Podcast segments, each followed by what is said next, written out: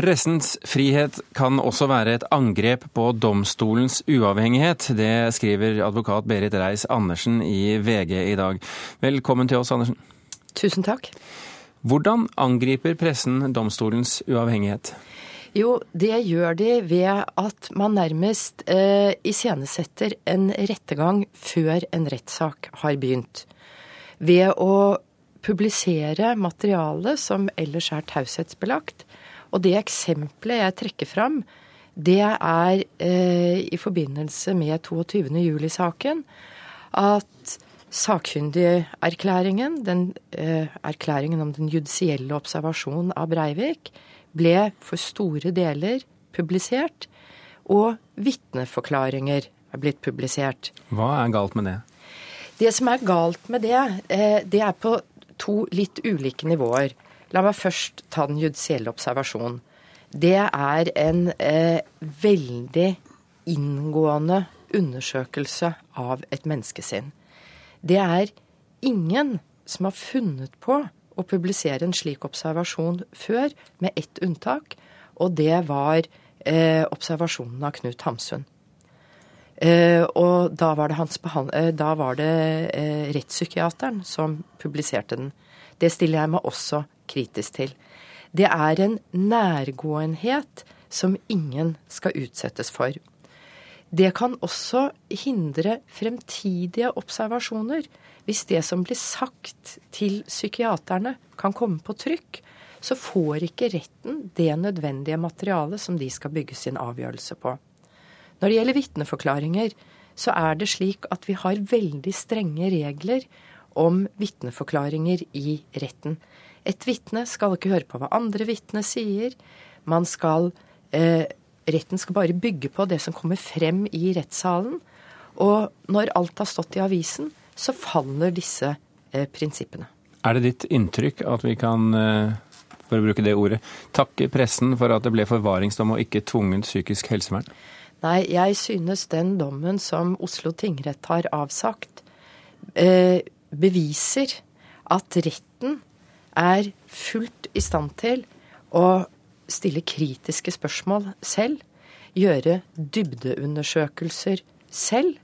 Eh, og, men retten skal altså arbeide i retten. Og partene som Men, men hvis, det ikke, hvis, det ikke er noe problem, eh, hvis det ikke skjedde noen påvirkning, hva er da problemet? Jo, eh, altså det, det, er, det er på to nivåer. Det kan Selvfølgelig kan retten bli påvirket av et medietrykk. Absolutt. Jeg tror ikke det var tilfellet i denne saken.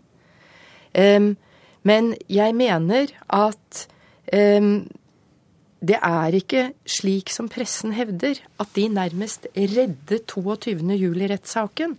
Men pressen driver og holder en rettergang før retten har begynt. Og da er vi farlig nær en folkedomstol. At folkemeningen og det populistiske er styrende, og ikke en uavhengig domstol som bygger på et grundig arbeid. Ansvarlig redaktør i Verdens Gang, Torry Pedersen. Er du en folkedomstol? Eh, vi formidler jo eh, stemninger i folket. Det tror jeg ikke vi skal eh, underslå. Men jeg er for så vidt enig med Andersen i at det ikke var pressen som reddet 22.07-rettssaken. Jeg har vært omhyggelig med å understreke at jeg tror det var bistandsadvokatene, den allmenne debatt rundt rettspsykiatri og ikke minst dommeren selv som oppnevnte nye sakkyndige, som gjorde det. Så her er det på en måte symbiosen mellom ulike aktører. og I min bok så er det stort sett slik demokrati fungerer, at uh, ulike krefter spiller sammen. Er du aldri redd for at de som skal dømme i en rettssak, får informasjon i pressen og da i din avis VG som kan påvirke dem i en eller annen retning?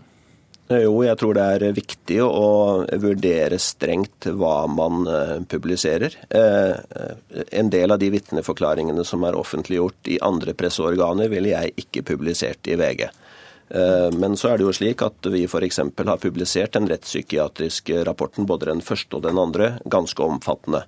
Der er jeg uenig med Reis-Andersen. Her, her står vi overfor den største forbrytelsen i Norge et, i fredstid. Det er 77 mennesker som er drept.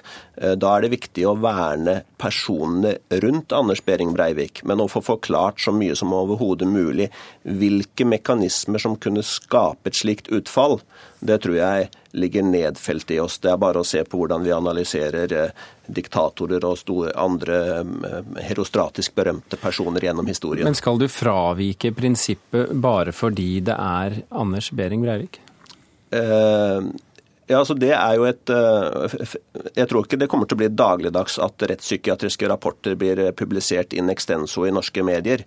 Men eh, med tanke på det som var stridsspørsmålet, det helt sentrale stridsspørsmålet i denne saken, i hvert fall siden første rapport forelå 29.11, eh, har vært tilregnelighetsspørsmålet. Om det eh, foregikk det en offentlig debatt hvor advokater og akademikere og psykiatere uttalte seg basert på bruddstykker av informasjon. Da mener jeg at allmennheten har rett på eh, så, et så omfattende faktagrunnlag for å følge denne debatten som mulig, samtidig som du ivaretar Eh, de private interessene til de nærmeste rundt Breivik. Og det var da redigert ut i våre versjoner. Ja, altså Min bekymring er jo knyttet til først og fremst fremtiden.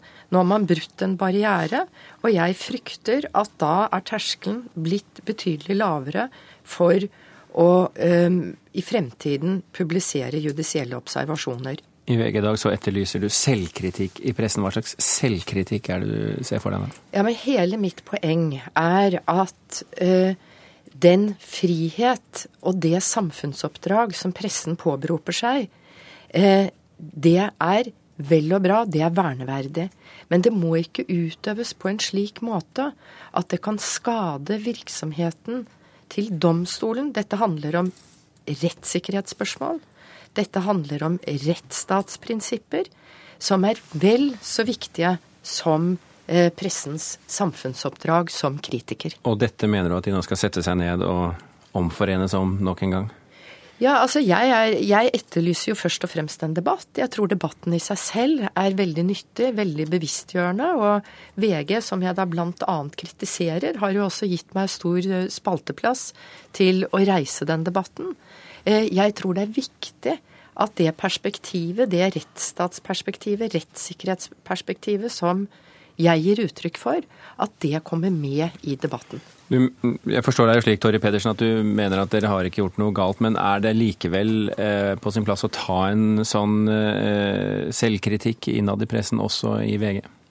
Altså Hvis det er noe pressen er flink til, så er det jo å delta i kritiske debatter om seg selv. Så hvis flere yrkesgrupper Det er noe litt sånn både og? Jeg er jo stort sett, i hvert fall her i NRK, flere ganger i uka og, og driver med det.